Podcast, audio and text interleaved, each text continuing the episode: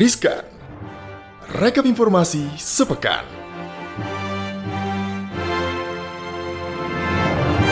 Selamat pagi, selamat siang, selamat sore, selamat malam Sobat Cuan. Apa kabar? Hai hai semua, apa Ketemu kabar? lagi, ya. Semoga sehat-sehat selalu ya Syarifah. Betul, semoga semua yang denger ini juga sehat-sehat selalu ya, amin. Amin ya rabbal alamin. Kita jumpa lagi di Riskan Rekap Informasi Sepekan bareng gue Gibran dan juga Tepekan. kita Syarifah, tentunya ya. Kita udah nyiapin sejumlah Iya. informasi.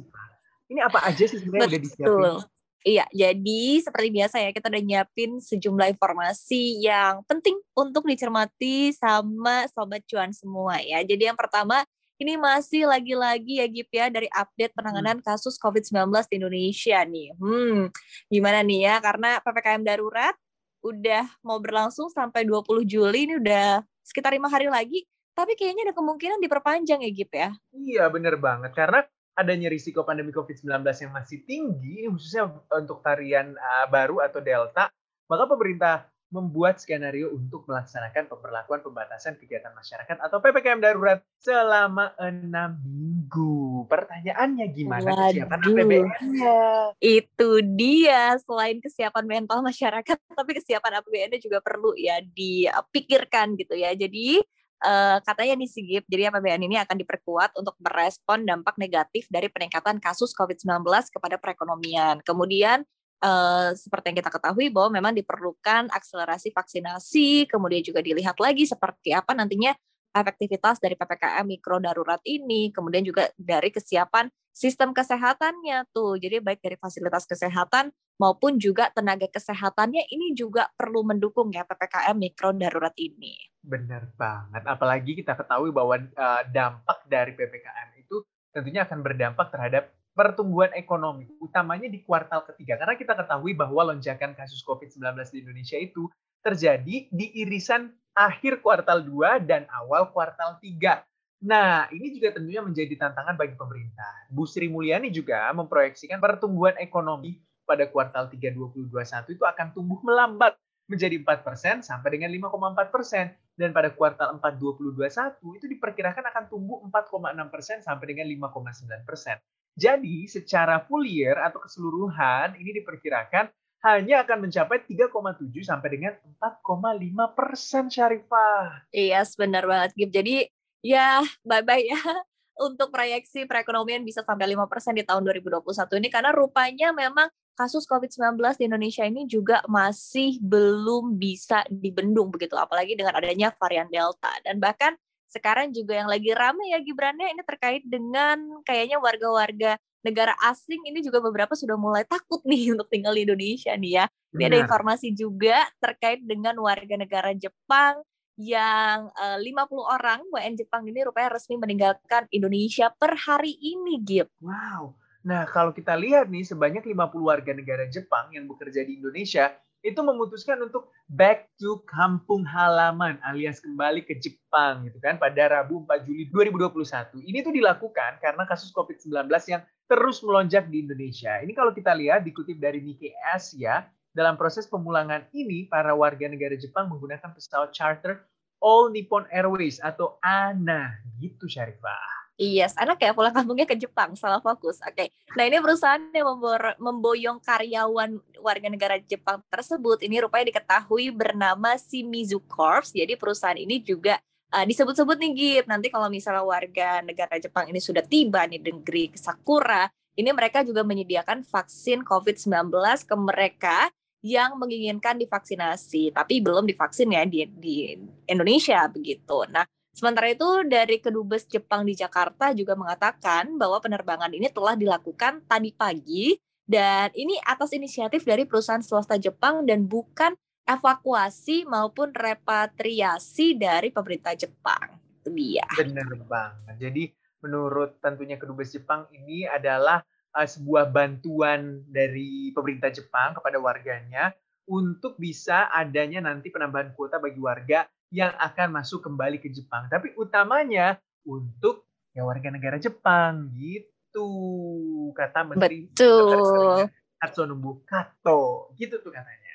Itu dia. Tapi ternyata Gip bukan Jepang aja loh yang uh, rupanya ini udah menarik warganya ya. tapi juga Taiwan nih, karena rupanya uh, tadi ya setelah warga negara Jepang yang berbondong-bondong pergi dari Indonesia, rupanya warga Taiwan juga dilaporkan akan segera cabut nih dari Indonesia.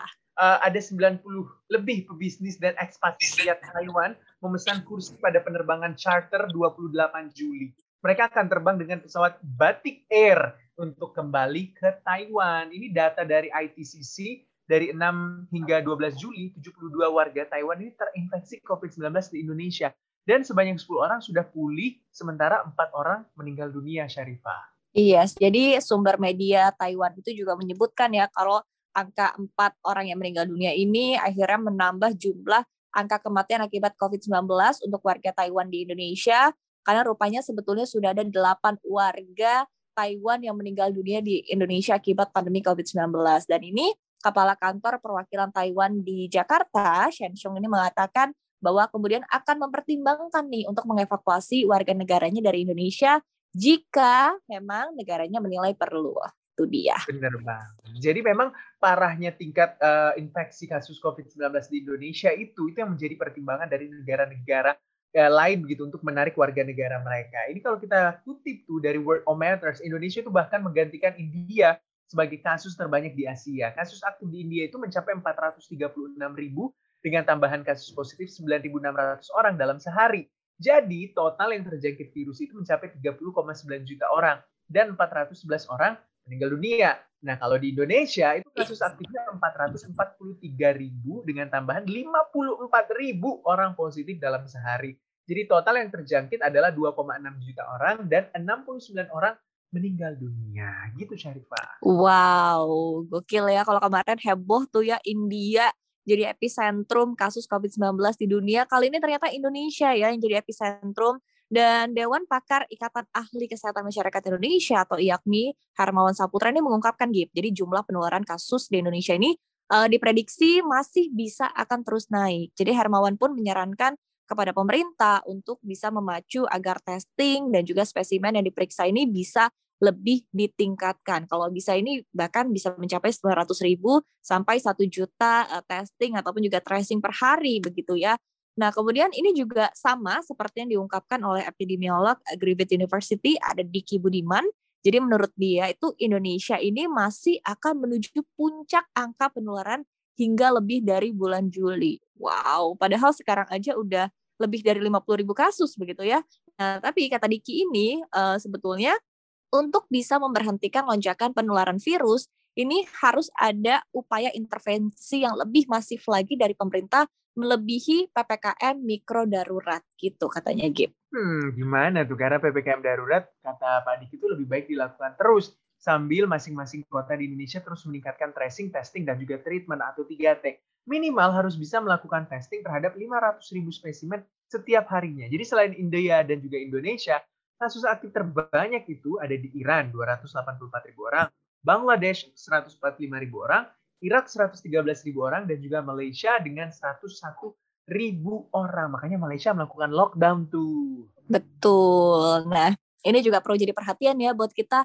Ini PPKM darurat juga perlu disupport oleh masyarakatnya begitu supaya tetap bisa mematuhi aturan dan di rumah aja ya betul kan Gip? Bener banget apalagi tuh kalau biasanya yang di rumah yang biasanya uh, isolasi mandiri atau mungkin uh, was-was melihat kondisi kesehatannya biasanya uh, install aplikasi oximeter atau mungkin belilah oximeter atau alat-alat kesehatan lainnya. Tapi kalau melakukan hal ini tuh harus hati-hati karena nggak boleh sembarang menginstal aplikasi oximeter karena kejahatan siber itu nggak pernah berhenti bahkan saat pandemi saat ini tuh Bahkan ada yang mencuri data dari aplikasi oximeter. Jadi di saat oksigen yang sedang ya langka, ampun.